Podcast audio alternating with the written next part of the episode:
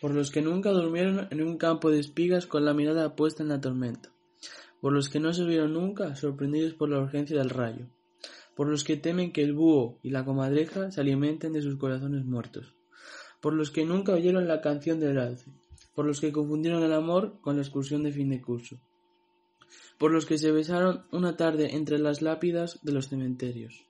por los que nunca urbanizaron los sueños, por los que ya no temen la distancia, ni la sangre, ni los sueños,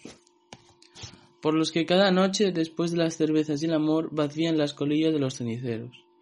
por la que puso nombre a mi desilusión, por los que nunca renunciaron a la noche, ni al frío de diciembre, por las nudistas alemanas que perfumaron el mar, por las musas que se ahogaron en el folio, por las que huyeron con un solo zapato,